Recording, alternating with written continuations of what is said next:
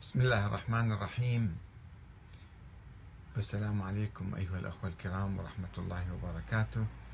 ومرحبا بكم في برنامج أنت تسأل وأحمد الكاتب يجيب. السؤال المقدم إلينا من الأخ حيدر الأسدي. يقول ما رأيكم بالشبهات أو بالحقيقة؟ وهذا عنوان أنا كتبته. آه، هو يعني يستدل بموقع مركز الأبحاث العقائدية التابع لمكتب السيد السيستاني على موضوع وجود الإمام الثاني عشر محمد بن الحسن العسكري ويسألني عن رأيي بذلك ويوجه عدة أسئلة. عنوان الحلقة الذي كتبته أنا هو الشبهات التي يروجها مكتب السيستاني ضد مذهب أهل البيت. فنقرأ رسالة الأخ وأسئلته ثم نجيب عليها بعد ذلك. يقول الأخ أحمد الكاتب المحترم السلام عليكم ورحمة الله وبركاته. قرأت مقالة لمركز الأبحاث العقائدية التابع لمكتب السيد السيستاني يحاول فيها إثبات وجود الإمام الثاني عشر المهدي المنتظر محمد بن الحسن العسكري. ويقول بوجود العشرات من الروايات الصحيحة التي زخرت بها كتب الحديث عند الإمامية فضلا عن الكتب السنية حول الإمام المهدي عجل الله فرجه وولادته وما يتعلق بشؤون دولته وظهوره المبارك. وقد شهد بتواتر إمامته أحاديث وأحاديث ظهوره وأحاديث ظهوره جملة من علماء السنة والشيعة. وكذلك وجود جملة من الأحاديث الصحيحة السند التي تؤكد ولادته. وهي أحاديث قد رواها الثقات عند الفريقين. وهي تفيد التواتر لتعدد طرقها. ويقول المركز هكذا يواصل الأخ حيدر يقول ويقول المركز في مقاله إن كتاب الكافي يحتوي على ستة عشر ألف حديث ومئة وتسعة وتسعين حديثا والصحيح منها خمسة آلاف واثنان وسبعون حديثا. وأما الأحاديث الضعيفة فقد ذكر العلماء أنها تقارب تسعة آلاف وأربعمائة وخمسة وثمانين حديثا. وهذا المقدار من اتصاف مرويات الكافي بالضعف لا يعني سقوطها بكاملها عن الاعتبار. وعدم جواز الاعتماد عليها في أمور الدين. ذلك لأن وصف الرواية بالضعف من حيث سندها وباللحاظ ذاتها لا يمنع من قوتها من ناحية ثانية كوجود كوجودها في أحد الأصول الأربعمائة التي آه، أخذت عن عنها الكتب الأربعة الرئيسية عند الشيعة أو في بعض الكتب المعتبرة. أو موافقتها للكتاب والسنة أو لكونها معمولا بها عند العلماء. وقد نص أكثر الفقهاء أن الرواية الضعيفة إذا اشتهر العمل بها والاعتماد عليها تصبح كغيرها من الروايات الصحيحة وربما تترجح عليها في مقام التعارض. هذا ينقل ما جاء في آه، مقالة أو جواب مركز الأبحاث العقائدية ويطرح بعض الأسئلة. الأخ حيدر يقول وسؤالي أولا لماذا تصر على إنكار ولادة ووجود وإمامة الإمام الثاني عشر؟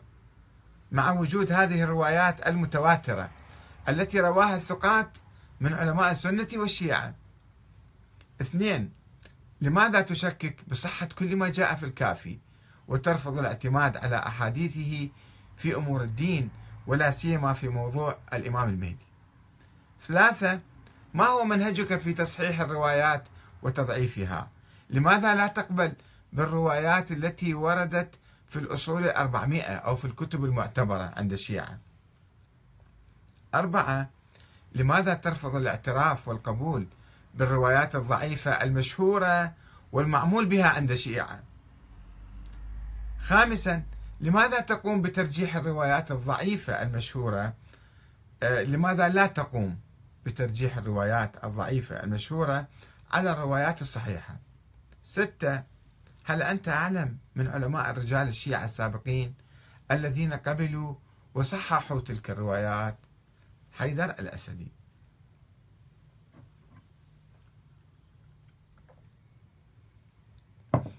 وقد أجبته بما يلي الأخ العزيز حيدر الأسدي المحترم.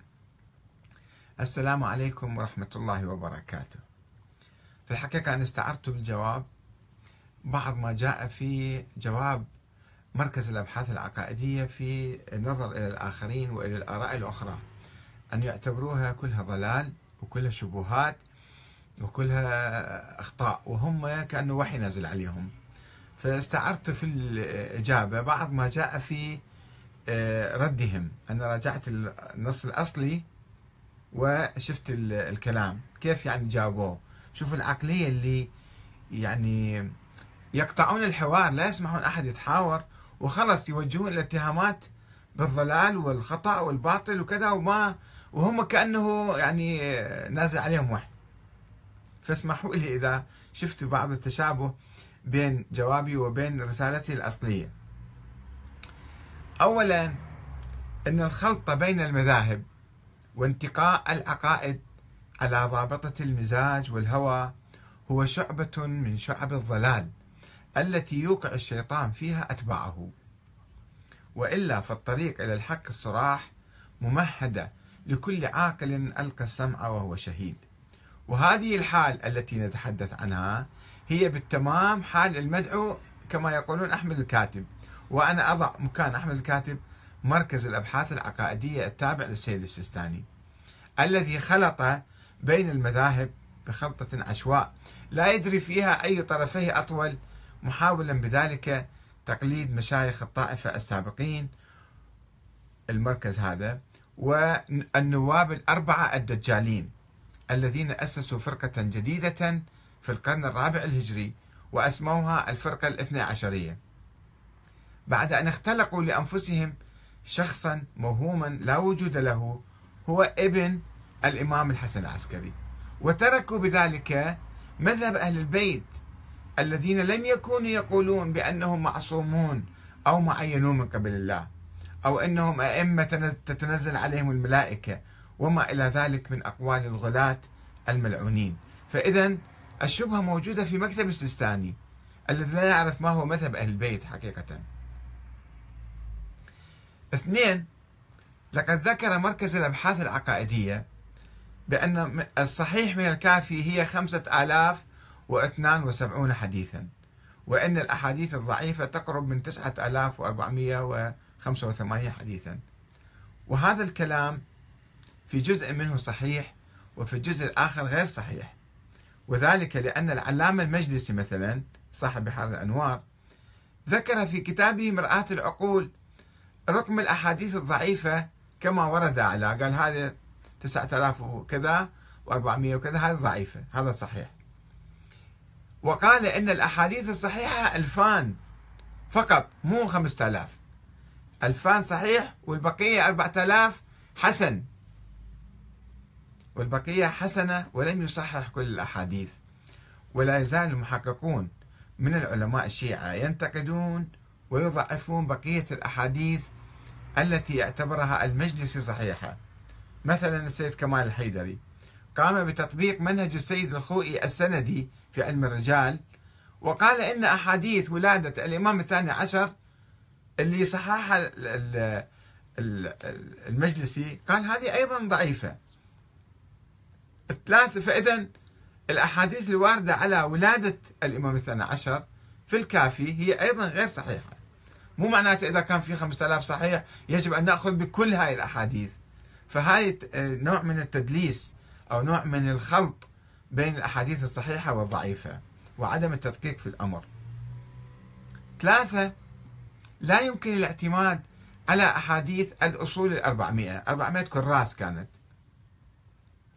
التي ضمنها الكليني في كتابه لأنه الكليني نفسه لم يأخذها من رواتها مباشرة.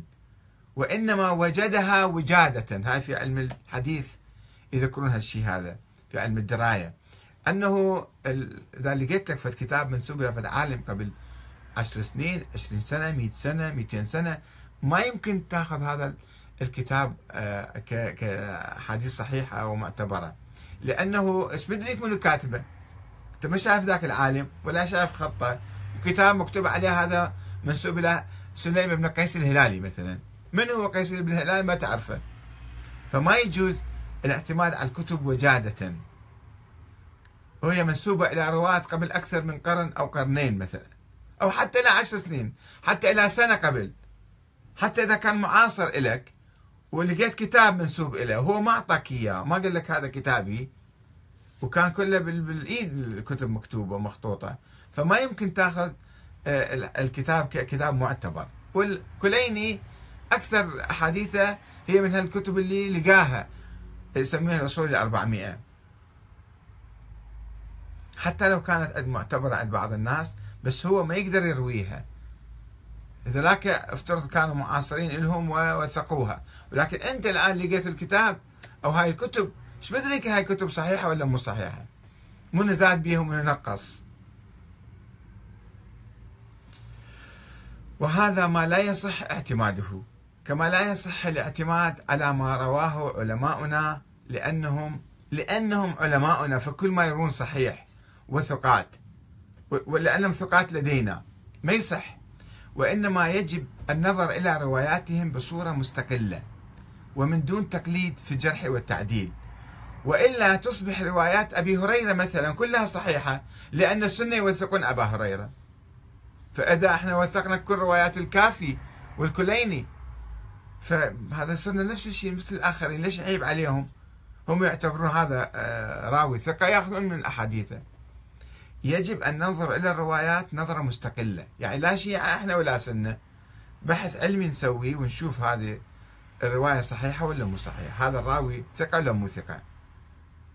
أربعة أنني بالطبع أرفض أرفض الروايات الضعيفة. التي يعترف علماء الرجال الشيعة بأنها ضعيفة. ونفس المكتب السيستاني يقول هذه ضعيفة. لمجرد أن العلماء السابقين قد عملوا بها أو اشتهرت لديهم ما هو كل الخطأ وكل الانحراف وكل الضلال يأتي من هذه الثغرة. أن والله ذلك السابقين قبل ألف سنة صدقوا بهذه الأحاديث فإذا هاي صارت صحيحة. أو عملوا بها فصارت صحيحة. رغم أنه قد تكون مختلقة من عندهم وبأيامهم. وناس كذابين معروفين. حاكوا هالروايات وصنعوها واشتهرت مثل أحاديث الاثنى عشرية. ما كانت معروفة عند الشيعة. بالقرن الرابع طلعت شوية شوية وقامت تنتشر والناس صدقوها. أكو ناس أخذوها وسوقوها. وإحنا نجي بعد ألف سنة ما ننظر إلى تاريخ الروايات وإلى مثلا منو نشرها ومنو آه، آه، رواها؟ لا نقول ما دام مشهورة فإذا هي صحيحة. رغم أنه سببت لنا مشاكل وسببت لنا مصايب طول التاريخ. وذلك لأني أرفض التقليد الأعمى للعلماء السابقين. لا الشيخ المفيد ولا الشيخ الصدوق ولا الطوسي اللي هم ما كانوا معصومين. ناس عاديين يمكن يخطئون يشتبهون ينحرفون يضلون. إيش بدري النبي؟ أنا ما أعرفهم شخصيا.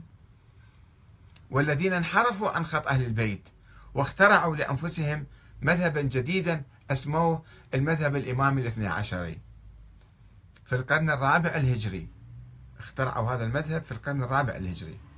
بعد أن لم يكن شيئا مذكورا ما كان شيء عندنا اسمه مذهب اثنى عشري وأحاديث حول الاثنى عشرية وأستغرب جدا من هذه القاعدة الباطلة التي لم ينزل بها الله من سلطان وهي تصحيح الأحاديث الضعيفة اللي هم يعترفون ضعيفة بس لأنها اشتهرت لدى بعض الناس في فترة من الزمن ومشت ولازم إحنا ناخذ بها الآن بعد ألف سنة. مما يدل على أن عقيدة هؤلاء الناس هؤلاء المشايخ الطائفة قد بنيت على باطل وعلى أحاديث ضعيفة هم يعترفون بضعفها. شوفوا شلون هم يعترفون أحاديث ضعيفة يقول لا ما دام عملوا بها فصارت صحيحة. أي قاعدة هذه؟ خمسة.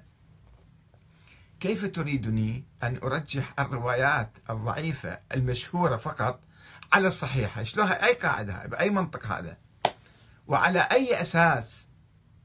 ألا يعتبر ذلك بناء على انحراف وتقليد أعمى للباطل وانحرافا عن خط الإسلام وخط أهل البيت الصحيح؟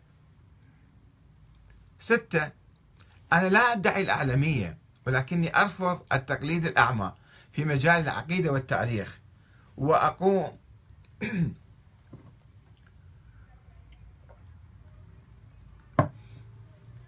وأقوم بالاجتهاد في هذه الروايات وفي الرجال. ومراجعة الروايات. وأحاول التمييز بينها وبين الخرافات والأساطير المشهورة والمعمول بها. ما هي شنو شلون تميز بين الخرافة وبين الحقيقة؟ بين الحديث الصحيح وبين الحديث المكذوب؟ لازم تجتهد وما تقلد أحد من السابقين. وأخيرا سبعة وأخيرا أستغرب جدا من دعوى مركز الأبحاث العقائدية التابع للسيستاني بوجود أحاديث صحيحة متواترة حول ولادة ابن الإمام العسكري. يدعي بدون استحياء حقيقة وبدون مراجعة أي كتاب جالسين هكذا يظلون الناس. يقول شنو؟ وجود أحاديث صحيحة متواترة حول ولادة ابن الإمام العسكري. بالرغم من نفي الإمام العسكري نفسه لوجود أي ولد له. وعدم معرفة أهل البيت في ذلك الزمان بذلك الولد. وكذلك عدم معرفة شيعة الإمام العسكري الذين تفرقوا إلى أربع عشرة فرقة ووقعوا في حيرة كبيرة حول مصير الإمامة. فضلا عن عامة الشيعة وبقية المسلمين. وعدم عثورهم على حديث واحد صحيح أو حتى مكذوب في ذلك الوقت. الشيعة ما كانوا يعرفون أي حديث. فأين كانت تلك الأحاديث الصحيحة المتواترة التي يجمع عليها السنة والشيعة وفي أي كتاب؟ هذا مركز الأبحاث. عندما يكذب عن الناس هكذا وهو جاعل نفسه في مركز ديني تابع للمرجعية ويكذب عن الناس ويضلل. ويبث الشبهات الكاذبة على الناس حتى يبقيهم في ضلالهم. طيب أنا ما أسأل بعدين وين هذا الولد اللي سواء بالأحاديث الصحيحة المتواترة أو بأي دليل آخر وين هذا الولد اللي قالوا موجود مولود؟ ما يفكرون شوية؟ ويؤسفني جدا أن أقول أن هذا المركز الذي يدعي القيام بأبحاث عقائدية وين أبحاثك؟ لم يقم بأي بحث صادق وأمين وعلمي ومحايد في هذا الموضوع وإنما يكوم الأكاذيب ويروج للخرافات والأساطير ويصحح الأحاديث المختلقة الموضوعة في وقت متأخر. يقول هذه أحاديث صحيحة لأنها اشتهرت بين الناس. ولا يقدم أي دليل على ما يقول وإنما يحاول تضليل الناس وتكريس الباطل والانحراف عن الإسلام ومذهب أهل البيت.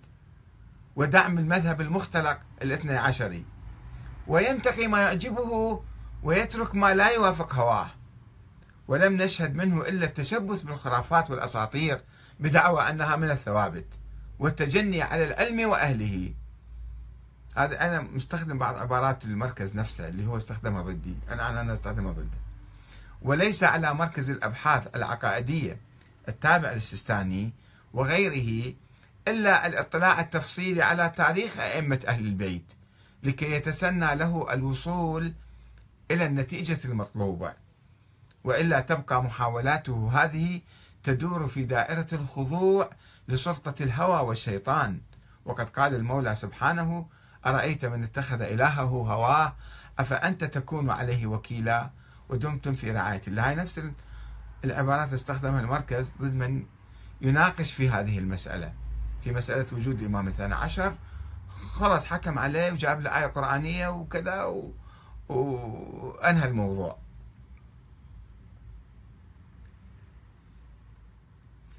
آه، طبعا عندنا مناقشات من عدد من الأخوة آه، حول هذا الموضوع. آه، ما أريد أطيل عليكم كثيرا. حول أنه النواب الأربعة كيف يعني كانوا ثقات وكيف أنت ما أدري إذا يسمح لنا الوقت. ممكن نقرأ بعض المداخلات هذه. يقول الأخ كريم الشارع. يقول كيف لك أن توصف النواب الأربعة بالدجالين مع أنك تدعي أن علم الرجال هو الفيصل في معرفة كون الشخص ثقة أو لا؟ فهل علم الرجال يتوقف عندما تريد إثباته أنت وكيف ممكن أن تتهم أناسهم مكان لهم مكانة عظيمة عند جمهور الشيعة؟ فقلت له ماذا تريد أن أقول عن النواب الأربعة؟ هل أقول أنهم أو عنهم أنهم علماء أتقياء زهاد عباد أو أنبياء مثلا؟ أخي الكريم علم الرجال هو معناته علم التحقيق في الرواة والرجال وهو يقوم على الاجتهاد والبحث ولا يقوم على تقليد السابقين أو اللاحقين. وإنما على الاجتهاد من قبل الباحث في حقيقة كل راو والنظر في حياته وسيرته وأقواله وأعماله والوصول بنفسه بنفس الباحث يعني إلى أنه راو ثقة أو كاذب ودجال وليس توثيق ما وثقه السابقون أو جرح من جرحه السابقون. يعني بعض الناس يرفضون علم الرجال يقول لك هذا شلون نعتمد عليهم؟ أنا لا أقول تعالوا قلدوهم إنما الإنسان يجب أن يبحث ويفكر ويحقق ويدقق ويشوف النتيجة. فيجيبني مرة ثانية الأخ كريم يقول وهل كانت سيرتهم آه، كانت حياة فسق وعدم تقوى؟ ولا يتسنى أن تعرف حياة شخص كاملة من التاريخ وأنت هنا تقع في الدور. يا سيدي فما ينطبق على الحديث ينطبق على سيرة الأشخاص ولا سبيل إلا أخذ أقوال من سبق. لازم نقلدهم يقول. إنك تبتعد عن العقل يقول أيضا يضيف. إنك تبتعد عن العقل ولا أهمية له عندك حين تحقق. أنا عقليا ودون أن أرجع لأي شخص أستطيع أن أبرهن على صحة هؤلاء النواب رضوان الله عليهم. يقول أنا أقدر بدون تحقيق أحكم يبدو عليه الأخ أخباري أو يعني من آه، أتباع الشيخ عبد الحليم الغزي. يبدو من كلامه نفس الشيء يعني. فقلت له لقد وصلت صورتهم هؤلاء النواب الأربعة. إلينا عبر أناس كانوا يعظمونهم ويقدسونهم أتباع المذهب هذا الاثنى عشري ومع ذلك فإن هؤلاء الناس المؤرخين والكتاب كانوا يقولون بأن أولئك النواب الأربعة كانوا يأخذون المال من الشيعة ويدعون إيصالها إلى الإمام المهدي الذي لم يره أحد. وإنهم لم يكونوا أربعة بل 24 شخصا ادعوا النيابة الخاصة وأن بعضهم كان يكذب بعضا. هذا موجود في كتاب الغيبة للطوسي مثلا وأي كتاب آخر حول الغيبة. وأن هؤلاء كانوا يدعون صحة نيابتهم صحة نيابتهم ليس عبر توثيق توكيلهم من الإمام الغائب المفترض. ما شفنا أي توثيق من ذاك الإمام. وإنما عبر المعاجز وعلم الغيب. كان عندهم معاجز وعلم غيب فلذلك إحنا صدقناهم. كما يقول الشيخ الطوسي في الغيبة في كتاب الغيبة. وبما أننا لا يمكننا تصديق هذه الروايات عنهم بأنهم كانوا يعلمون الغيب أو يجترحون المعاجز لأن النبي صلى الله عليه وآله والأئمة لم يدعوا معرفتهم بالغيب ولم يأتوا بالمعاجز. فكيف ذول النواب الأربعة جايبين يثبتون ارتباطهم بالسماء بهاي المعاجز. فإن فإننا نشك بصحة دعوى هؤلاء النواب الأربعة اللي يعظموهم جماعتنا. الذين كانوا يشككون بصحة دعاوى الآخرين. هم كانوا يشككون بصحة دعاوى الآخرين. آه اللي ذلاك أيضا كلهم كانوا يدعون معاجز ويدعون علم الغيب. مثل كما يقول الشيخ الصدوق أنه الحلاج حتى كان يدعي النيابة عن الإمام المهدي وقام طرده من المحل ماله. قال له شنو هالمخاريق اللي جايب لي إياها؟ والنتيجة أن جميع أدعياء النيابة ال 24 كانوا كذابين دجالين. ولا دليل لدى أحد منهم بأنه مرتبط بالغيب أو بالإمام الثاني عشر الغائب اللي أصلا ما له وجود. فالأخ كريم مرة أخرى يقول آه، يوجد مدعون ولكن لم يجدوا من يتبعهم بل سقطوا اجتماعيا. لا يا حبيبي موجود. الفرقة النصيرية أيضا تتبع محمد بن نصير النميري والشريعي وكذا اللي ادعوا النيابة. فمو كلهم ما حد ما تبعهم لماذا التركيز أيضا يضيف؟ لماذا التركيز على هؤلاء الأربعة؟ هل كانوا يعطون الأموال للمؤرخين مثلا؟ وأين ما صدر من البقية من باب الفتوى؟ وأين أتباعهم؟ هنا آه يجيبه الأخ آه آه، يعني أنا ما آه، أنه الفكرة الفكرة العامة أنه في كان آه، تخطيط سياسي من العباسيين لتكوين فرقة شيعية في مقابل الدولة الفاطمية التي قامت في ذلك العصر. وصاروا يدعمون وصاروا مؤرخين وصاروا ناس في ظل الدولة البويهية في القرن الرابع والخامس. أنتجت هذا التراث وهذه الثقافة. فنحن آه، سيعطوهم فلوس ما يعطوهم فلوس ما كنا يوم موجودين. ولكن كلامهم اللي يقولوا إحنا نواب عن شخص لم ينيبهم ما وكلهم ما أصلا ما شايفين ذاك الشخص حتى نقول آه، وكلهم وهم نواب له فشوف الدور صار هنا. أن جماعة جونا بعد فترة بعد وفاة الإمام العسكري وقالوا قولا خلاف القانون. وخلاف الشريعة الإسلامية بأن الإمام العسكري عنده ولد وبالسر وأنه هو إمام وهو معصوم وهو المهدي المنتظر وهو كذا وكذا. وكل هذه الصفات صفات عظيمة يعني هذه ما يمكن القبول بها بهذه الصورة. أن واحد اثنين ثلاثة أخبرونا أن هم مثلا عندهم اتصال بهذا الشخص اللي ما حد ما شافه. فالدين ما يبنى هكذا على أقوال أشخاص إنما يبنى مثل الشمس الساطعة لازم يكون. حتى نتأكد من عنده. ويمكن بعض الأخوة أيضا آه، قالوا بأنه آه، يعني إحنا نصدق بهؤلاء. آه، أنا ما حوارات يعني عديدة صارت اللي حب أحب أحد يحب يطلع عليها فليتفضل. وبالنتيجة المنطق اللي يشوفه مركز الأبحاث العقائدية اللي المفروض علماء بالحوزة فضلاء يكونون على الأقل شوية يبحثون يدققون.